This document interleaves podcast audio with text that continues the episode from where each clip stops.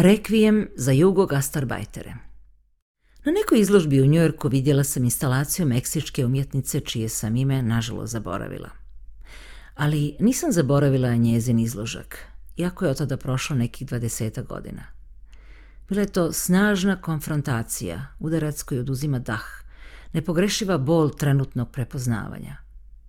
U velikoj staklenoj vitrini bila izložena brutalna gomila stvari, američkih – koja je tokom svog nadničarskog života stekla neka siromašna meksička obitelj. Bila je to konzumenska biografija anonimne meksičke obitelji. Iz tog zgarišta još uvijek se dimio san anonimnog Meksikanca o boljem životu i pravu na bolji život. Potresna u svojoj ogoljenosti pred posjetiocima je bila izložena realizacija tog sna. Plastično, sintetičko, jeftino smeće nabacano na gomilu. Iz papuče u obliku Miki Mausa virio je ponos vlasnika zbog životnog dostignuća, nevidljivi znoj koji je utrošio da bi tu papuču kupio. I strah zbog ilegalnog prelaska granice, muka rada za malu nadnicu po teksaškim farmama, sreća djece koja su tu papuču nosila. Bila je to gernika druge vrste i drugog vremena. Povijest naših života vezana u stvari dojmljivija je od fotografija, fotoalbuma, videosnimaka, memoara, autobiografija ili biografija. Odbačene stvari stoje kao nijemi dokazi našega odsustva, trošnosti našeg života i uložene životne energije. Stvari koje ostavljamo za sobom spomenuti su pred kojim se pušta suza. Jugoga bili su ljudi koji su u 70-ima, zajedno s Turcima, Italijanima i Grcima, krenuli u nadničarenje po Evropi. Oni prije njih, prije drugog svjetskog rata, zvali su se pečalbarima, a gastarbajteri, valjda zato što su najčešće kretali u Njemačku, u gastarbajt, gastosima, gastićima. U mojoj okolini nitko nije bio gastarbajter, niti je itko živio u inozemstvu.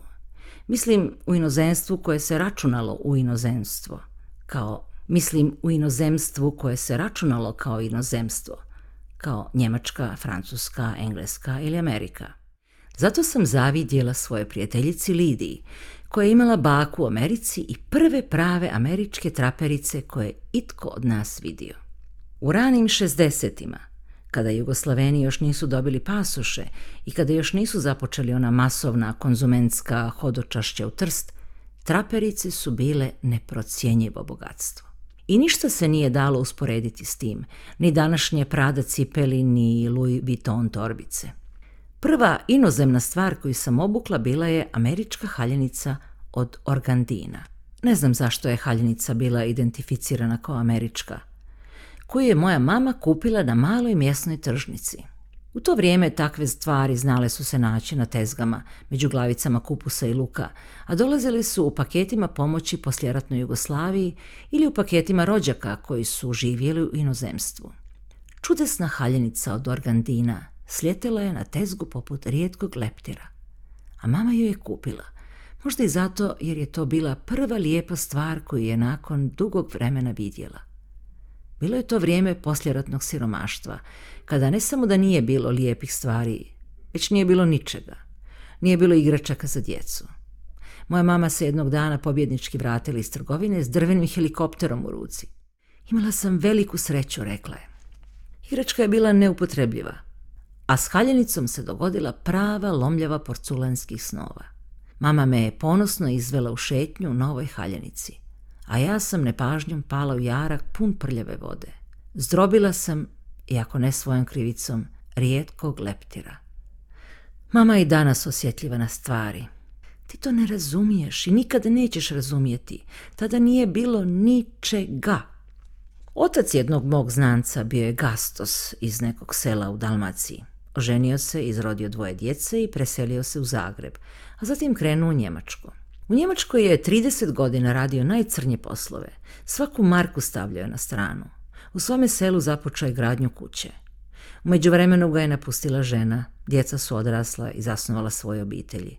A on je i dalje crnčio u Njemačkoj i svaki godišnji odmor provodi u svome selu gradeći kuću. Kuća je na kraju izrasla u monstrum od tri kata, s debelim zidovima i malenim prozorima koji su sličili na puškarnice – Gastos se nije smirio sve dok nije opremio kuću. onda se vratio iz Njemačke, povukao svoje selo, ali ne u novu kuću, nego u staru trošnu kućicu iz koje je bio krenuo u bijeli svijet. U velikoj kući nitko ne živi. Velika kuća se čuva. Kastarbajter drži ključeve velike kuće pod jastukom i čeka da se jednog dana svi u nju vrate. Da, gastarbajteri su znali kako da crnče, Bili su polupismeni, mnogi od njih nisu naučili jezike zemalja u kojima su godinama radili, nije bilo vremena za to. Svaki slobodan trenutak rošili su na to da se spuste kući, da svima donesu poklone, da ugovore s majstorima gradnju kupovnice, novo kata, ugradnju prozora ili krova. Većina njih nije pametno ulagala svoj novac, jer naprosto nije znala kako se to radi. Zato su gradili kuće po svojim selima, kupovali televizore, frižidere, automobile, podizali raskošne obiteljske grobnice. Većinu je vodila samo jedna misao, da se jednoga dana vrate i umru u svojoj domovini. Što je ostalo iza njih? Kultura uludo utrošenog novca na grobnice, na kuće, od kojih su mnoge uništene za vrijeme Novog rata, na automobile, jer to je jedino čime su mogli zagrijati svoj igo – Bili su slugani u stranim zemljama koje nikada nisu primili kao svoje. Bili su slugani u bivšoj Jugoslaviji.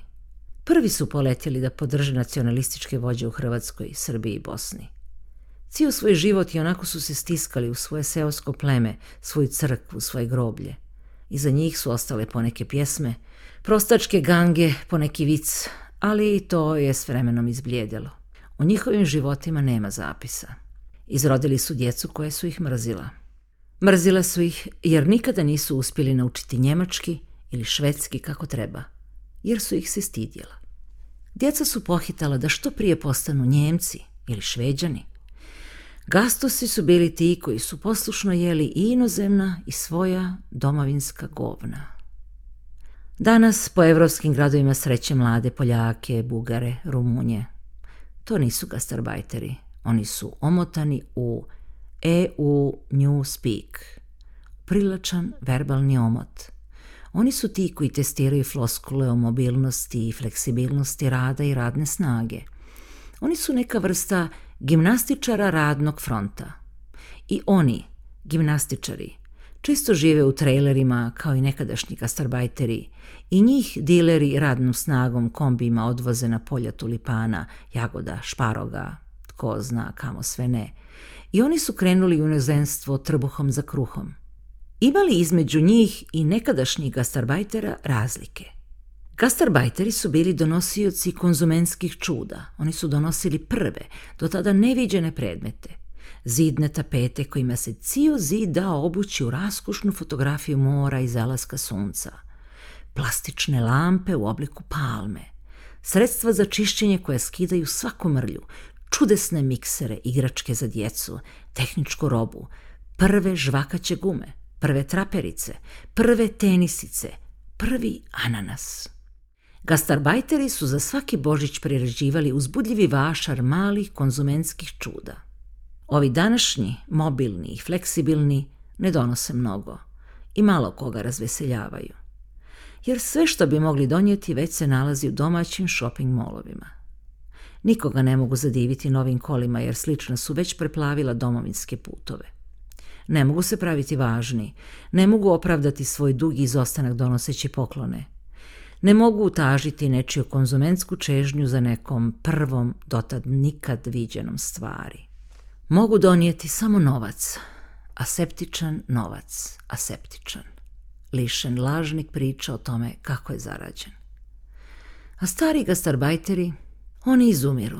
Nedavno je u Amsterdamu umro jedan koji je u Holandiji proveo više od 30 godina.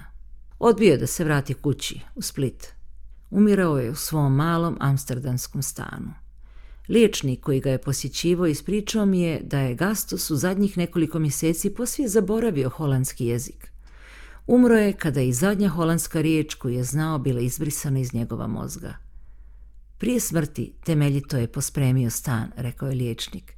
Iza sebe nije ostavio ništa, osim vlastitoga leša. Studeni 2007.